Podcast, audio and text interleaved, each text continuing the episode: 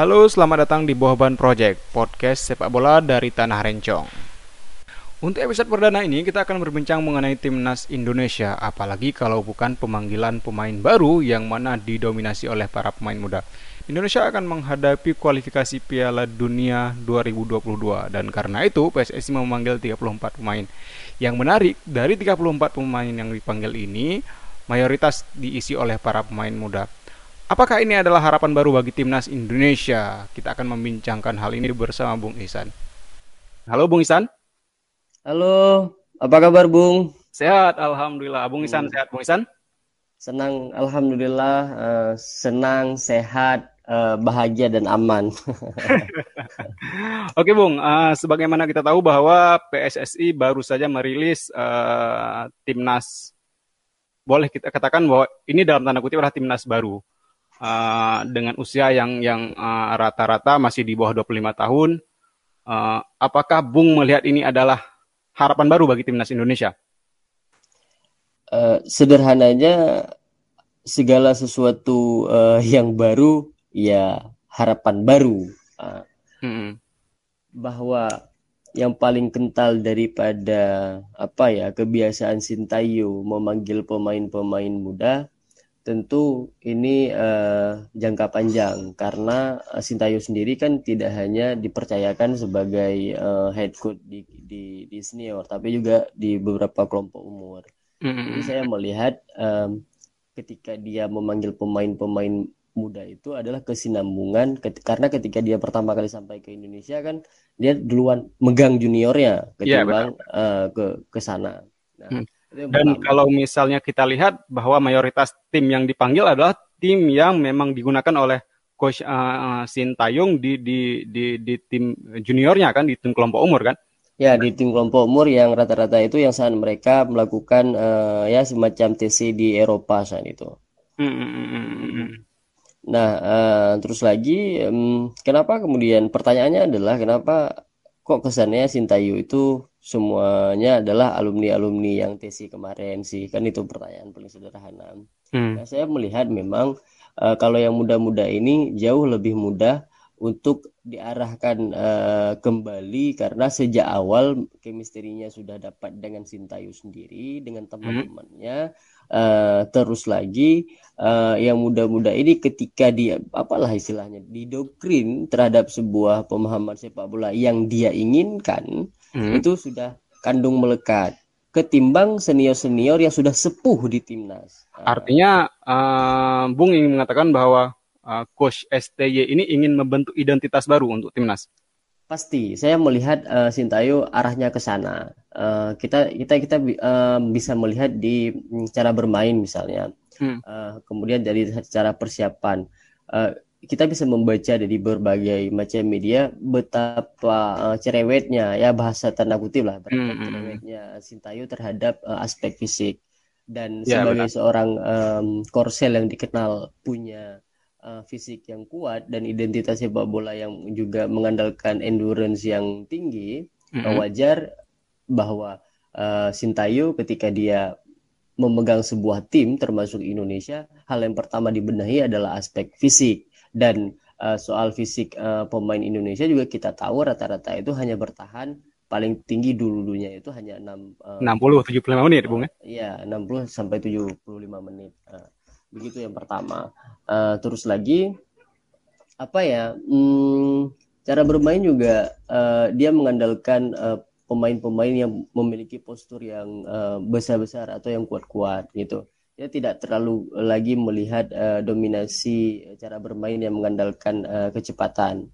Uh, kalau dulu kan uh, Indonesia kan identik dengan kecepatan baik dari kalau sayap sudah rahasia umum mm-hmm. uh, wingback bahkan pemain tengah pun juga kadang-kadang juga dipasang yang memiliki Spartan, ya? kecepatan. Ya? Uh, yang Spartan.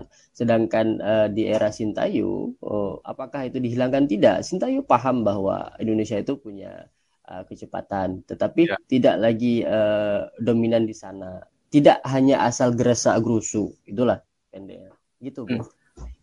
Nah, uh, yang menarik seperti ini, Bung sebenarnya. Kita tahu bahwa peluang Indonesia di kualifikasi ini sudah sudah nihil, sudah uh, tidak mungkin lagi untuk lolos. apakah Bung melihat bahwa pemanggilan pemain-pemain muda ini uh, menunjukkan indi indikasi bahwa bahwa kita sebenarnya udah noting tulus saja gitu sebenarnya. Ya udahlah, uh, gitu. memang udah udah nggak mungkin lolos kok gitu loh.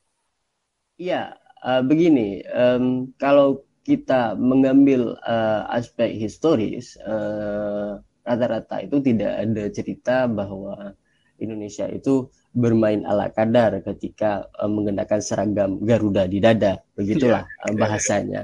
Tetapi dalam konteks uh, kualifikasi Piala Dunia yang sudah dipastikan uh, apa um, tidak lolos ini, mereka kemungkinan besar akan bermain nanti tulus gitu. Uh, karena memang tidak ada target apa-apa lagi di situ untuk uh, di, di di level kualifikasi ya untuk Piala Dunia tetapi itu menjadi uh, se sebuah step untuk mempersiapkan di uh, turnamen lainnya. Kemudian juga Sintayo ini menjadi kesempatan untuk dia melihat uh, apa pemain-pemain yang dipanggil oleh PTC uh, timnas setelah kemarin waktu sebelum uh, Piala Menpora uh, digelar kan sudah juga pemusatan uh, latihan sebelumnya. Uh, hmm. mm -mm, ini juga ada beberapa pemain baru Eh, kita akan uh, mencoba melihat bagaimana kemudian Sintayo ini meramu uh, dominasi anak-anak muda dengan uh, yang tua-tua karena sejarah perjalanan kalau kita ikuti setelah sebelum uh, TC TC bukan sebelum TC setelah TC dan sebelum uh, Piala Menpora mereka mengaduk uh, melakukan beberapa uji coba di laga pertama itu dampak sekali kentara anak-anak muda itu Padahal uji cobanya di Indonesia mereka itu kago, apalagi di lini uh, bawah. Uh, ya, hmm. Dalam catatan saya itu yang pertama. Tapi seiring berjalan uh, waktu di di beberapa partai selanjutnya juga sudah agak mulai membaik meskipun belum belum jauh sekali dalam kata istimewa. Hmm, artinya uh, ini masih belum sesuai yang yang kita inginkan gitu loh dari dari hmm. kualitas timnas uh, Indonesia begitu bung ya? Iya jauh, jujur saja jauh sekali masih. Nah Bung, uh, kita melihat bahwa mayoritas tim ini 34 pemain yang dipanggil kan tim muda gitu Bung.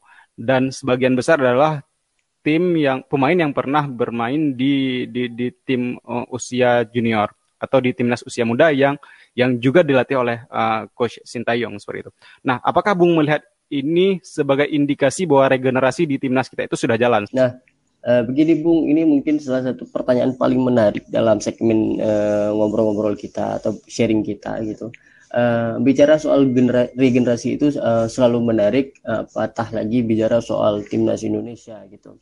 Saya selalu uh, berulang-ulang uh, menyampaikan uh, di banyak teman-teman yang bertanya, hmm, entah itu di media, uh, pandit dan juga uh, teman ngopi lah istilahnya. Uh, regenerasi itu dalam pemahaman saya hanya ada dua. Yang pertama adalah uh, regenerasi E di, benar diniatkan, yang kedua adalah uh, regenerasi yang yang dipaksa keadaan. Pertanyaan kemudian adalah bagaimana dengan konteks sepak bola uh, Indonesia hari ini?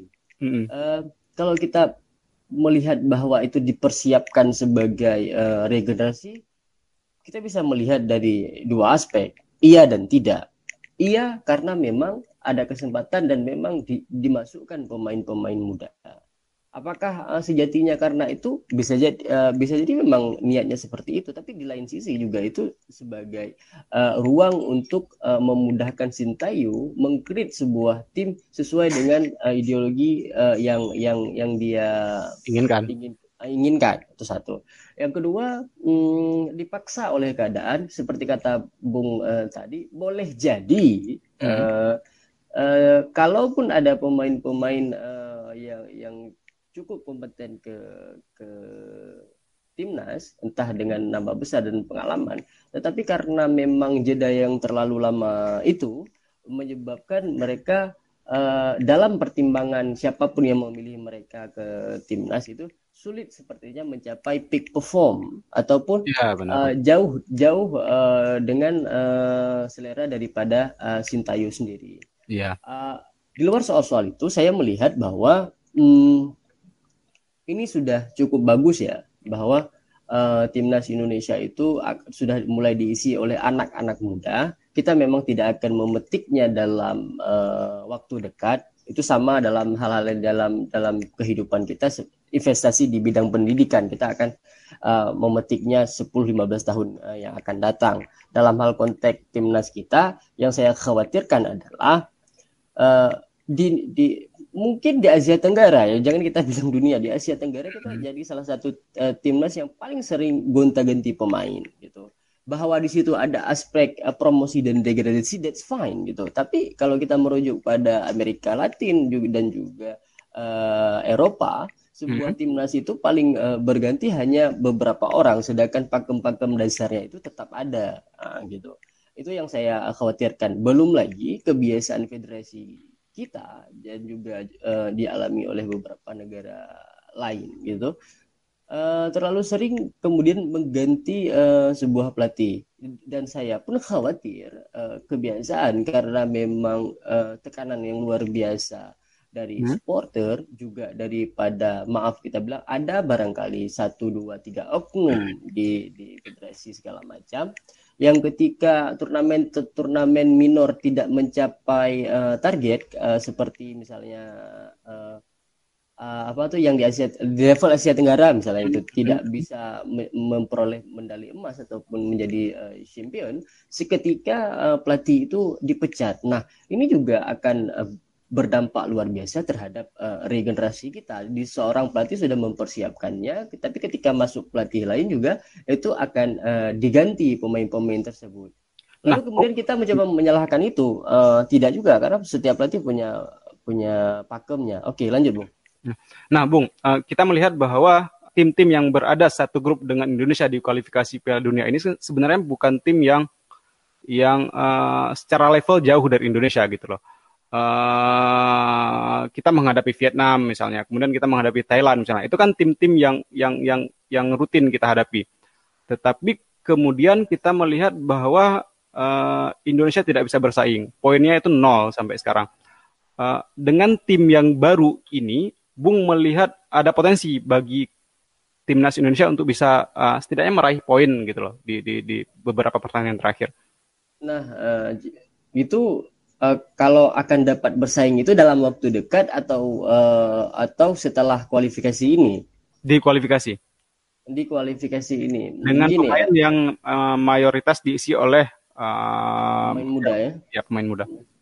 Uh, itu juga jadi sebuah pertanyaan besar uh, bagi kita ya Bung uh, bahwa uh, kita tidak menghadapi tim-tim yang bagaimana sekali gitu kan uh, yeah. paling uh, Thailand Vietnam uh, yang yang sudah rutin uh, kita hadapi bisakah bersaing kita bilang bisa uh, tidak menutup kemungkinan tapi tergantung uh, seberapa lama persiapan tapi anggaplah persiapannya singkat gitu saya yeah. saya uh, pesimis gitu. Kenapa saya uh, pesimis? Uh, karena ini bukan di level kelompok umur, tetapi di senior hmm. gitu. Hmm. Sedangkan jika merujuk pada Thailand dan Vietnam, uh, mereka juga sudah persiapan jauh-jauh uh, hari um, gitu. Kalaupun dan kita tidak bisa beralasan bahwa ini efek pandemi. Kita bagaimana begini di liga orang lain juga efek pandemi gitu. Dan dan uh, dan mohon maaf gitu dari aspek um, apa uh, di luar banyak aspek ya uh, harus kita akui bahwa uh, kita dan Thailand itu sudah tertinggal jauh jauh oh, jauh. Oke, Bung. Um, ketika daftar pemain diumumkan, kalau misalnya kita memperhatikan keriuhan di media sosial, di Twitter misalnya, atau di media-media sosial yang lain, uh, selalu ada hal yang menarik, Bung uh, selalu ada kontroversi. Misalnya uh, ada yang mengatakan bahwa uh, tim yang diumumkan oleh PSSI kemarin 34 pemain itu tidak sepenuhnya pilihan coach uh, STI. Indikasinya adalah pertama bahwa coach STI itu sudah lama nggak ada nggak berada di Indonesia. Uh, Bung melihat indikasi yang sama begitu. Nah, uh, dari ini kan apa ya persoalan yang sangat luar biasa heboh ya ketika pemanggilan kemarin waktu dan kita eh, berdebat banyak sekali di um, berbagai macam platform media sosial gitu kan. Um, tapi saya rasa um, hal yang paling rumrah itu setiap pemanggilan uh, pemain itu tetap akan selalu ada pertanyaan kenapa tidak ada uh, si ini dan kenapa si itu yang ah, dipanggil. Ya, ya, ya, uh, itu itu pasti akan akan terus ada gitu. Siapa pun uh, pelatihnya dan siapa pun pemain yang dipanggil ya.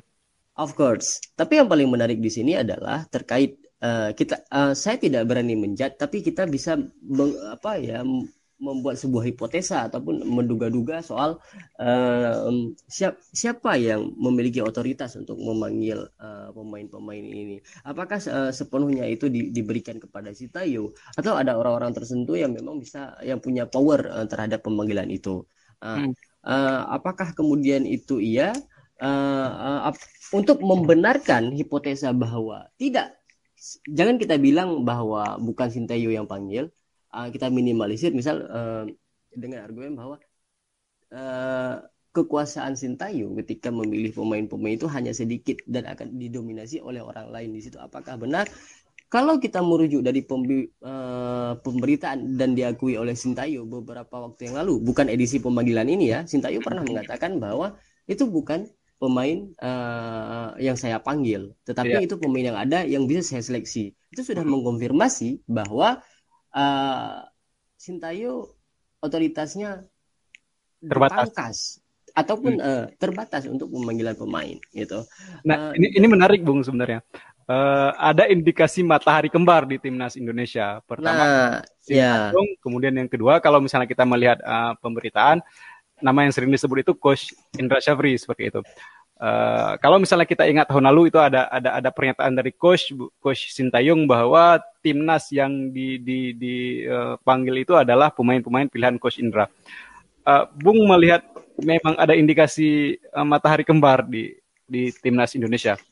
Hmm, mohon maaf kalau kita memang uh, merujuk de kalau apa ya mas, uh, orang akan menyebut bukannya memang cocokologi, tapi dalam spionase ah. setiap simbol uh, dalam setiap simbol dan setiap gerak-geri itu bisa uh, uh, bisa mengerucutkan terhadap sesuatu hal yang sedang diteliti, kan? Uh, saya melihat ada indikasi ke sana sebenarnya. Nah, dari uh, cuman saya tidak nggak mungkin gamblang ya, tapi uh, saya juga apa ya menaruh curiga bahwa uh, power beliau uh, lumayan ya untuk sekarang gitu. Kembali lagi dalam konteks pemain yang dipanggil dan yang tidak dipanggil. Uh, untuk daftar pemain yang dipanggil misalnya uh, dalam kaitannya dengan kontroversi tadi, uh, kita kemudian tahu bahwa Sadil Ramdhani itu tidak dipanggil, padahal di Liga di, di Liga Malaysia performanya itu cukup impresif belakangan. Uh. Hmm. Dia mencetak tiga gol dalam dalam enam pertandingan. Kemudian kalau misalnya kita melihat Piala Menpora kemarin, ada beberapa pemain yang juga cukup uh, menonjol, tapi juga kemudian tidak mendapat kesempatan uh, untuk dipanggil ke timnas. Nah, menurut Bung apa yang terlihat dari dari fenomena ini sebenarnya, khusus untuk timnas uh, yang baru ini gitu, Hmm.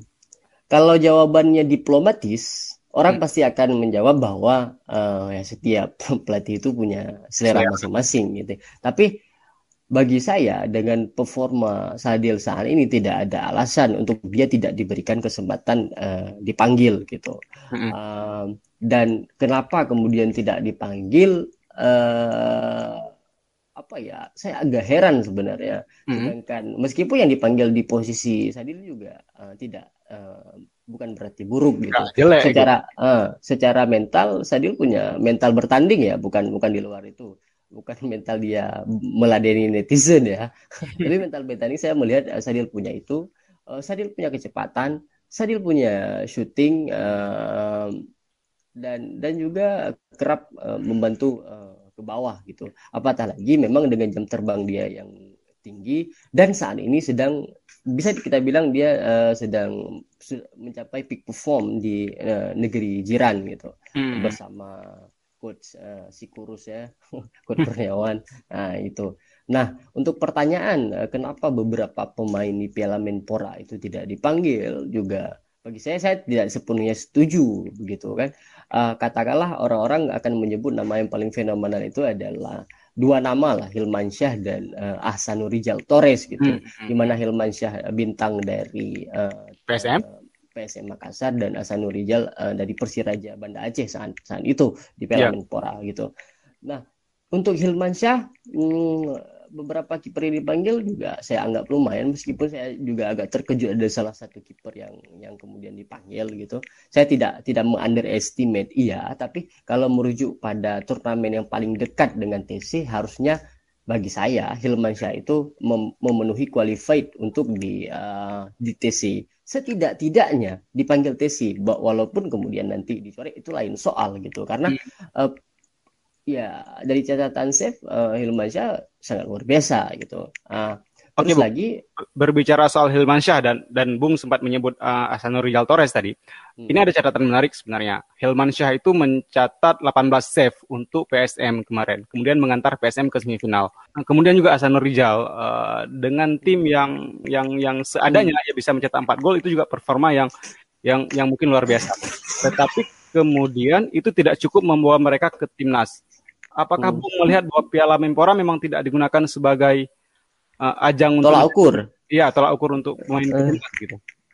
Uh, bagi saya sepertinya omong kosong kalau Piala Menpora tidak dijadikan tolak ukur. Kenapa omong kosong? Karena kita tidak ada kompetisi selain itu. Hmm. Kalaupun uh, kita akan mengatakan bahwa Liga 1 sebelumnya hanya tiga pertandingan gitu, dan hmm. dari tiga pertandingan itu pun sudah dipanggil untuk seleksi uh, kemarin waktu di timnas senior kan, hmm. Uh, gitu.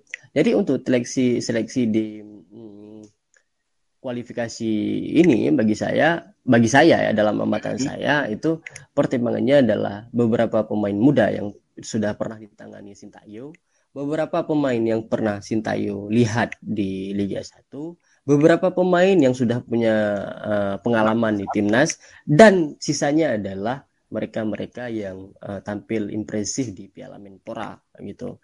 Jadi tidak ada alasan bahwa hmm, Piala Menpora bukan ajang untuk melihat pemain omong kosong bagi saya. Tapi kan faktanya memang seperti itu, Bung. Artinya kita melihat dalam starting eleven uh, pilihan uh, Piala Menpora misalnya, Kiper hmm. yang terpilih itu Andri Tani, kemudian back yeah. ada Eko kemudian ada pemain Kim Kurniawan, kemudian ada hmm. beberapa nama besar lain yang hmm. yang dianggap impresif, bahkan terpilih menjadi tim terbaik, ya termasuk Hasan Rizal hmm. Torres tadi. Hmm. Tapi kemudian hampir tidak ada dari pemain ini yang kemudian terpilih ke ke TC Timnas gitu loh. Hmm. Nah, uh, itu yang ya itulah paradoks sepak bola kita sebenarnya. Walaupun hmm. memang uh, ya beberapa kalau bagi saya hmm. sorry to say gitu ketimbang Andri Tani beberapa kiper lain juga sudah sudah sangat lebih layak menggantikan Andi Tani. Bukan berarti Andi Tani itu buruk, apalagi hmm. Andi Tani juga uh, sudah sudah sudahlah merasakan uh, atmosfer di timnas itu ter, uh, seperti apa. Seperti Igbo Nevo misalnya sudah sudah jauh gitu. Apatah hmm. lagi uh, di posisi itu sekarang sudah muncul uh, pemain-pemain yang dulunya muda sekarang sudah matang dengan jam terbang uh, tinggi gitu hmm. uh, seperti katakanlah Yanto Basna gitu um, Thailand dan dan beberapa nama lainnya. Uh, dan menariknya memang hmm, seperti apa karena Bung menyebut uh, beberapa pemain seperti Asanuli Jal Torres gitu. Khusus untuk Torres um, bagi saya uh, sorry to say gitu Torres memang belum layak untuk di timnas. Kalau uh, kita bandingkan dengan nama-nama lain yang dipanggil. Nama lain itu sudah punya kadang uh, ada yang sudah punya pengalaman ada yang memang secara uh, kebutuhan uh, individu pemain itu dia komplit gitu. Uh, Torres tidak cukup komplit untuk saat ini uh, ke timnas. Bahwa kemudian dia itu menjadi top skor ya memang itu karena keunggulan Torres ya, begitu. Tetapi hmm. kalaupun boleh berharap saat itu saya berharap Torres itu dipanggil saja TC sebagai penghargaan bahwa dia menjadi top skor di uh, turnamen tersebut. Bahwa kemudian dia dicoret itu juga lain soal. Saya saya melihat ke arah sana sih. Tapi saya sepakat bahwa itu itu yang paling heboh ya kemarin apalagi uh, di publik di ujung barat uh, Indonesia uh, itu kenapa tidak Torres kenapa tidak Torres jujur saja dan kalaupun kita tanyakan misal saya yakin dan percaya kalau kita tanya ke Torres selain jawaban soal keyakinan dia yakin dan yakin kalau untuk merevisi dirinya sendiri dia akan mengatakan bahwa saya tidak tidak sekomplit orang lain sekalipun memang uh, tidak ada pemain yang sempurna gitu kira-kira bu. Hmm. Uh, Oke. Okay. Ada juga nama-nama lain yang tidak dipanggil. Uh, saya meng-highlight ada satu nama, Stefano hmm. Lillipali. uh, kita mungkin bisa bersepakat seperti itu bahwa Lili Pali ini adalah salah satu gelandang terbaik yang ada di Indonesia saat ini. Hmm. Uh, tapi faktanya kemudian ia tidak dipanggil ke timnas. Uh, menurut Bung, apa yang sebenarnya terjadi begitu? Hmm, apa sebenarnya terjadi? Kalau merujuk perform uh, Stefano Pali di Piala Menpora, hmm. walaupun ya, menyumbang satu dua uh, assist begitu, saya tidak melihat Stefano Lillipali uh, itu apa ya bermain uh, di istimewa. top uh, istimewa kalau merujuk Piala Menpora. Tapi kalau merujuk pada uh, uh, pengalaman dia di timnas, uh, Stefano Lillipali beberapa kali memang uh, menunjukkan ya sisi magicnya ya.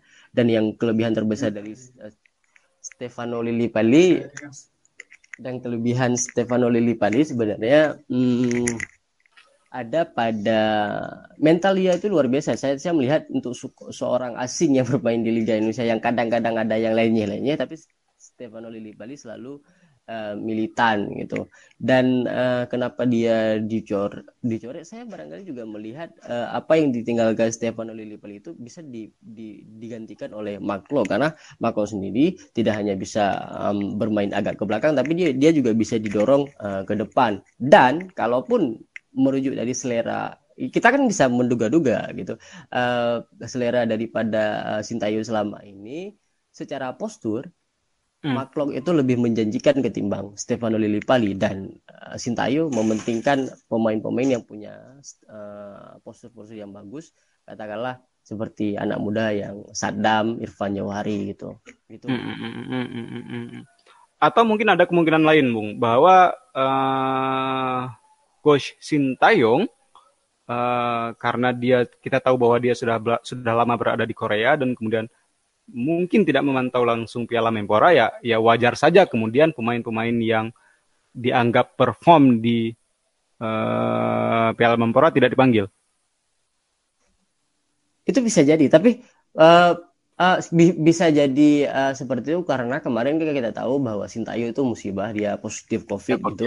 dan pasti dia akan uh, sangat kontroversial terhadap uh, penyembuhannya dan kita tahu bahwa Sintayo sebagai sosok pribadi yang luar biasa disiplin itu variabel yang pertama. Variabel yang kedua adalah kayaknya agak sulit percaya bahwa seorang pelatih itu tidak mengikuti sepak bola uh, di, di di tempat dia bekerja gitu.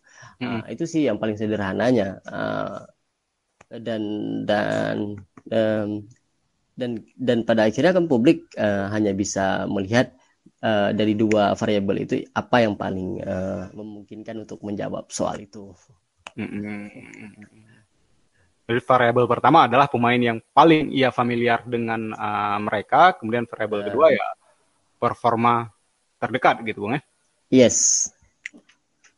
Oke Bung, uh, karena Bung menyebut beberapa nama pemain muda, Irfan Johari, Sadam Gafar dan sebagainya. Hmm. Uh, kita tahu bahwa ini adalah kesempatan pertama bagi mereka untuk naik kelas ke level hmm. senior, hmm. ya kan? Uh, Bung punya catatan khusus untuk beberapa pemain ini? Uh, catatan khususnya misal seperti Irfan uh, Jauhari, anak itu uh, istimewa dia punya strength yang, yang kuat gitu, meskipun kekurangannya adalah dia tidak tidak punya apa ya ketika balik badan itu agak lamban gitu tapi punya power anaknya. Kemudian soal Sadam Gafar kepalanya posturnya istimewa tinggi jangkung gitu. Tipikal uh, striker striker klasik cara dia bermain beda dengan Lewando yang meskipun tinggi dan besar dia masih bisa mengolah bola gitu dan timing Gafar saya rasa untuk ukuran anak muda uh, seperti gol dia di Piala Menpora itu juga cukup menjanjikan soal uh, pemahaman timing gitu dan uh, juga punya shooting yang keras gitu itu uh, dari dua anak-anak muda itu. Kemudian ya. ada, ada satu nama yang menarik lagi gitu bung, Alta Tarik. Ah, ah Alta Tarik. Alta Tarik. Balah. Nah ya. itu, itu itu itu itu saya hampir hampir lupa tadi dan dia dan, dan dia punya punya tempat istimewa sih bagi saya. Kita tahu bahwa ini pemain uh, tidak terpantau, nyaris tidak terpantau dibandingkan hmm. nama-nama hmm. lain yang muncul di timnas. Uh, kalau misalnya kemudian kita menyebut nama Irfan Johari, Saddam Gafar, dan pemain-pemain muda lain, Salman Al Farid misalnya, kita tahu jejak rekamnya. Tapi Alta Tarik ini kan menarik. Dia dia dia seorang pemain yang uh, entah tiba-tiba muncul dari mana seperti itu. Uh, apa yang menarik dari Alta Tarik ini sehingga menarik bisa menarik perhatian coach STY untuk uh, mencobanya di timnas gitu. Hmm. Uh, Alta Tarik uh, yang paling menarik dari Alta Tarik setidak-tidaknya bagi saya itu adalah ya yang sesuai dengan selera lagi-lagi ya. Postur yang pertama. Untuk ukuran uh, wing-wing yang uh, ya biasa bermain menyisir dari saya biasanya Indonesia itu kecil-kecil dan cepat-cepat kan? Tapi dia cepat dan tidak kecil. Nah, kemudian memang tipikal yang skillful. Saya kita bisa melihat bagaimana uh, detail video ketika dia bermain di Bela Menpora. Saya saya kebetulan melihat beberapa highlight bagaimana uh, dia bermain. Untuk ukuran anak muda mental dia ketika mengolah bola, berani pegang bola, berani melewati pemain itu istimewa sekali dan dan bagi saya bukan tidak mungkin uh, Balah ini ketika dia diberikan kesempatan di di timnas dia bisa melampaui uh, nama-nama yang sebelumnya sudah uh, bermain asalkan diberi kepercayaan. Saya optimis Tapi melihat anak ini. Di posisi ini kita tahu bahwa ada nama-nama besar ya untuk untuk level timnas Indonesia misalnya hmm. uh, Witan Sulaiman misalnya, kemudian juga Egi Maulana Fikri misalnya, kemudian juga hmm. ada beberapa nama-nama yang lain. Nah, Alta ini uh, menurut Bung bisa nggak bersaing dengan nama-nama seperti itu gitu loh? Sangat bisa, uh, sangat bisa. Saya yakin sekali sangat bisa, asal diberi uh, kepercayaan. Uh, apatah lagi misal Egi uh, eh, LG kan uh, sebelum-sebelumnya dia lebih sering walaupun bisa main eh eh Witan Witan Witan walaupun bisa main, main di kanan dan kiri dia dominan uh, sering dipasang di sebelah kanan gitu. Dengan uh, apa ya melihat penetrasi dia langsung uh, cut inside gitu. Dia melakukan shooting uh, shooting ala ala Ruben gitu. Dan uh, juga kalau untuk pun uh, apa crossing crossing dia bisa mengandalkan walaupun dia kekuatan kaki kirinya bisa mengandalkan in swingnya bukan out swingnya gitu. Sedangkan Egi Egi kan lebih sering di plot uh, di di tengah dulu dulunya gitu kan. Uh, meskipun juga bisa bermain di kiri dan kanan. Dan kalau kalau kalau rujukannya hanya satu di Piala Menpora kita lihat uh, coach Widodo Cahyo Putro di uh, Persita uh, itu um, sering memasang balah di sebelah kiri praktis peluang balas sebenarnya juga lebih besar gitu ketimbang uh, di dua nama itu yang memang posisinya lebih sering di kanan dan tengah. Mm-hmm. Oke, Bung. Untuk timnas baru yang yang mayoritas diisi oleh pemain berusia muda, uh, Bung punya satu nama yang bisa disebut sebagai player to watch enggak? Yang hmm. ini pemain harus nanti nantikan nih gitu loh. Eh uh, Siapa dan mengapa?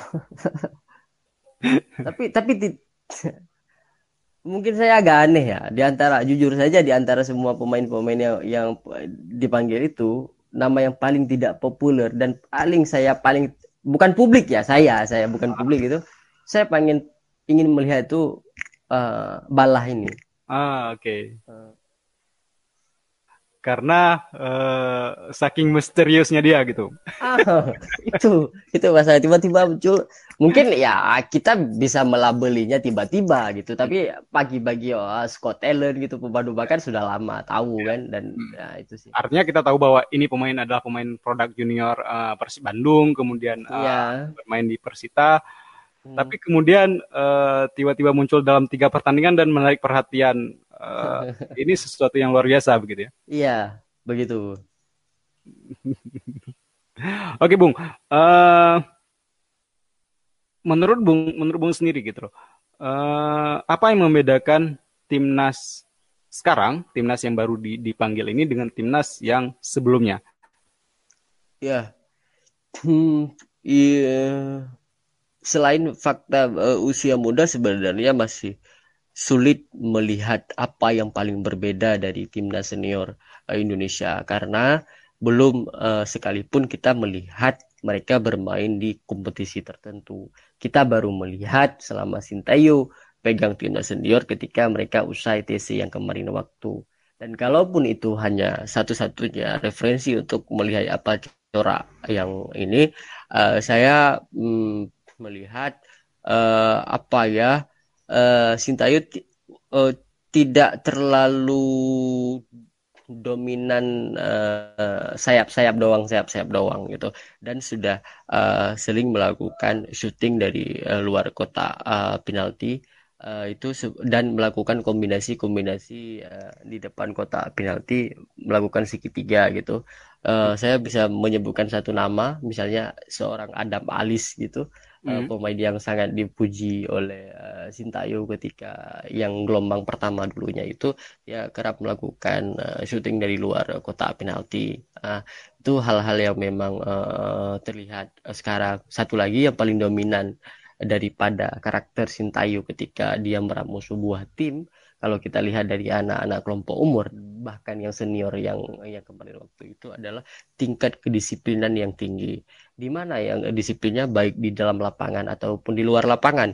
Jika di dalam lapangan kita akan melihat Sintayo itu tidak segan untuk uh, pemainnya menunggu uh, setengah lapangan gitu baru kemudian melakukan counter attack dan mereka uh, pemain yang dituntut untuk memahami uh, zona marking gitu, uh, pressing, uh, uh, soal transisi itu hal-hal yang paling dasar dalam sepak bola. Walaupun dasar, tetapi itu didisiplinkan kembali oleh Sintayo. Belum lagi hal-hal yang memang di luar lapangan gitu.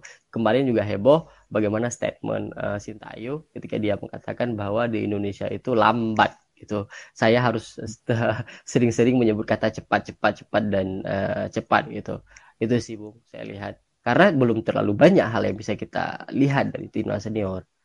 Nah, Bung, ini menarik. Uh, di tubuh timnas sekarang itu ada tujuh pemain yang bermain di di, di luar Indonesia, di kompetisi oh. di luar Indonesia. Mulai dari uh, Egi misalnya yang bermain di Malaysia, kemudian ada juga uh, Witan misalnya, kemudian juga ada nama uh, Asnawi yang yang yang yang baru bermain di Korea seperti itu. Bung melihat bahwa kehadiran pemain yang bermain di kompetisi luar itu akan mempengaruhi kualitas timnas. Uh, secara teori begitu, saya yakin dan secara teori begitu dan saya yakin juga begitu. Uh, hmm. dan dan dan apa yang paling penting daripada pulangnya anak-anak kita dari luar adalah saya tidak akan menilai bahwa mereka di sana menjadi inti atau tidak gitu.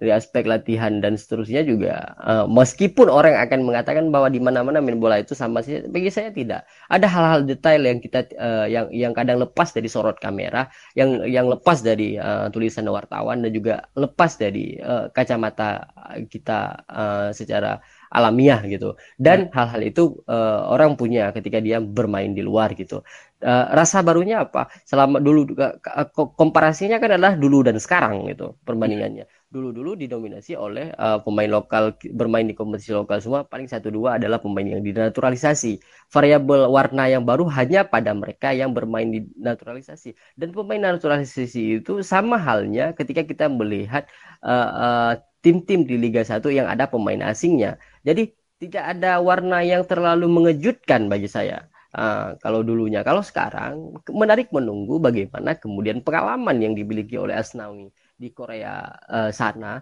pengalaman yang dimiliki oleh uh, oleh Egi di Polandia dan juga Witan di uh, Serbia gitu.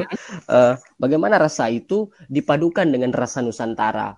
oleh uh, Sintayo sendiri. Kita akan melihat itu rasanya seperti apa sih kalau ibarat makanan gitu. Oke oke oke. Eh, ada satu nama menarik, uh, Mark Klok. Yes. Uh, kita tahu bahwa Mark Klok ini adalah pemain naturalisasi terbaru hmm. dan ini adalah uh, pemanggilan pertama ke timnas Indonesia setelah uh, Mark Klok menyelesaikan proses naturalisasi. Yes. Uh, saya menganggap Mark Klok itu uh, secara level itu di atas pemain Indonesia kebanyakan. Iya. Uh, tapi apakah kemudian Mark Klok ini bisa meningkatkan uh, kualitas timnas? Itu mungkin masih menjadi tanda tanya. Bung uh, melihat ini seperti apa? Nah, saya sepakat dengan apa yang Bung Taufik sampaikan bahwa Maklok itu juga di atas rata-rata pemain Indonesia dan mungkin bagi saya gitu hmm. dari beberapa pemain naturalisasi di posisi yang tidak agak jauh dari di luar striker juga hmm, Maklok itu uh, lebih istimewa bahkan menurut saya menurut saya ya, soal ini soal selera barangkali hmm. Maklok itu jauh lebih bagus ketimbang uh, Stefano Lillipali meskipun tidak jauh gritnya gitu Hmm. Dan uh, jujur saja sebelum saya menjawab ini um, di uh, era sepak bola sekarang dari dulu itu orang menanyakan kepada saya siapa uh, gelandang um, yang paling you suka dan di di Liga 1 saya merem akan menjawab dua nama dan kebetulan saat itu mereka bermain di tim yang sama adalah uh, Pluim dan uh, Clock saat itu. Hmm. Uh, itu ada uh, sebagai selera ya sedikit sharing bahwa itu mereka apa ya mm, menjadi oase di tengah dahaga saya setelah saya kehilangan Zarahan uh, Keranggar yang dulunya bermain sangat eksplosif gitu kan. Sekarang hmm. kan tinggal kuah-kuahnya aja Zarahan. Uh, okay. praktis uh, saya akan menjawab bahwa uh, clock pertanyaan yang paling penting adalah bisakah dengan level clock itu bisa menaikkan performa atau tidak gitu. Saya oh. rasa mm, bisa uh, ketika mm, dia uh, apa ya keindonesiaannya itu masuk dalam uh, jiwa dan raganya. Mungkin agak met, uh, agak metafisik, tapi saya secara antropologis melihat selama ini klub sudah sangat berbaur dengan baik itu cara orang Indonesia bermedia bermedia sosial dia paham setapak kuat.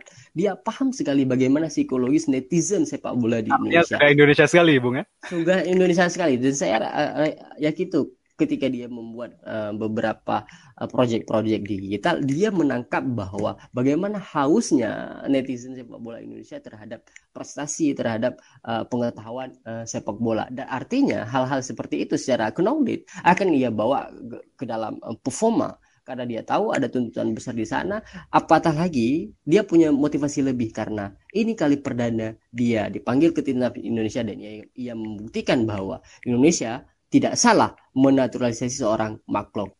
Hmm. Terus oh ya satu lagi, hmm. uh, clock adalah tonggak baru bagi saya soal uh, uh, naturalisasi di Indonesia. Saya hmm. berharap kalaupun kita berbicara tem kita setuju naturalisasi, kalaupun kita bicara tem itu setuju naturalisasi, hmm. harusnya memang dilakukan seperti orang-orang yang klub di usia muda. Oke, Bung. Uh, ada satu nama lagi yang cukup menarik, uh, Elkan Bagot kita tahu ini adalah pemain muda, kemudian hmm. kita tahu bahwa Bagot ini uh, memiliki kalau saya katakan untuk level Indonesia untuk level Indonesia dia itu jauh di atas di atas di atas level Indonesia kebanyakan seperti itu. Dan ia memutuskan untuk untuk untuk untuk bersedia membela timnas Indonesia. Uh, Bung punya catatan khusus tentang Elkan Bagot? Uh, tentu tentu saya punya catatan khusus dan mungkin bukan hanya saya saja ya orang yang hanya sekedar nonton bola pun akan memiliki catatan khusus. Apa yang paling sederhana catatan khusus kalau orang-orang misalnya netizen itu adalah pemain paling jangkung yang kita punya kan itu yang kasat mata gitu. uh, Elkan Bagot ini istimewa saya melihatnya sejak uh, kali perdana dia debut di uh, kelompok umur di usianya yang sangat muda dia bermain cukup dewasa. Hmm. Nah, kalau penjelasan-penjelasan soal dia kuat di udara itu bukan sesuatu hal yang istimewa sekali menurut saya karena memang dia didukung oleh postur yang memang jangkung gitu hmm. dan uh, dengan level dia badan kokoh. Uh, badan kokoh gitu dan soal-soal pemahaman timing saya rasa dengan level dia bermain di luar hal-hal detail seperti itu juga sudah uh, diajarkan. Tapi saya melihat bahwa mm, yang paling menarik dari aura ataupun body language anak ini adalah dia bisa seketika saat itu kan dia uh, kalau saya tidak silap ingat dia uh, hanya satu kali dua hari satu sehari sebelum per, uh, pertandingan berlangsung dia dia masuk ke tim kelompok umur saat itu dan dia langsung bisa nyetel. Bahkan kelihatan seperti dia uh, leader saat itu. Saking dia itu memiliki pengaruh gitu. Dan yang paling terpenting adalah nampak di situ dia tidak tidak kelihatan bahwa dia itu merasa istimewa karena dia itu punya rasa Eropa yang kental ketimbang anak-anak Indonesia pada umumnya. Dan dia punya kehangatan uh, ke, uh, kehangatan itu penting untuk sebagai apa chemistry di, di tim. Dan dia punya mental yang bagus itu uh, penting bagi dia ketika bermain di level uh, senior dengan apa memadu padan dengan senior senior ya saya lihat Oke Bung, uh, satu pertanyaan terakhir sekaligus untuk merangkum uh, perbincangan kita pada hari ini. Dengan segala kelebihan dan kekurangannya, apakah Bung hmm. melihat bahwa timnas Indonesia yang didominasi oleh para pemain muda ini menjadi harapan baru bagi bagi gersangnya uh, prestasi. prestasi timnas Indonesia? Kalau ukurannya regenerasi saya sepakat bahwa ini adalah secerca harapan gitu. Bahkan uh, kilaunya juga uh, tampak sayup-sayup uh, mulai uh, mulai mulai mulai mulai kental uh, terlihat di di pandangan mata. Tapi kalau uh, muaranya nanti adalah prestasi, saya belum yakin. Oke, Bung, terima kasih uh, untuk waktunya. Kita berbincang di waktu yang lain. Oke, saya juga terima kasih banyak Bung Taufik. Uh, senang bisa mengisi bincang uh, kita uh, pada Boban Project ini. Mungkin besok waktu kita juga akan gantian saya yang bertanya, Bung yang berjawab. Mudah siap, siap. uh, ya, mudah-mudahan uh, apa yang kita sampaikan ini ada manfaatnya.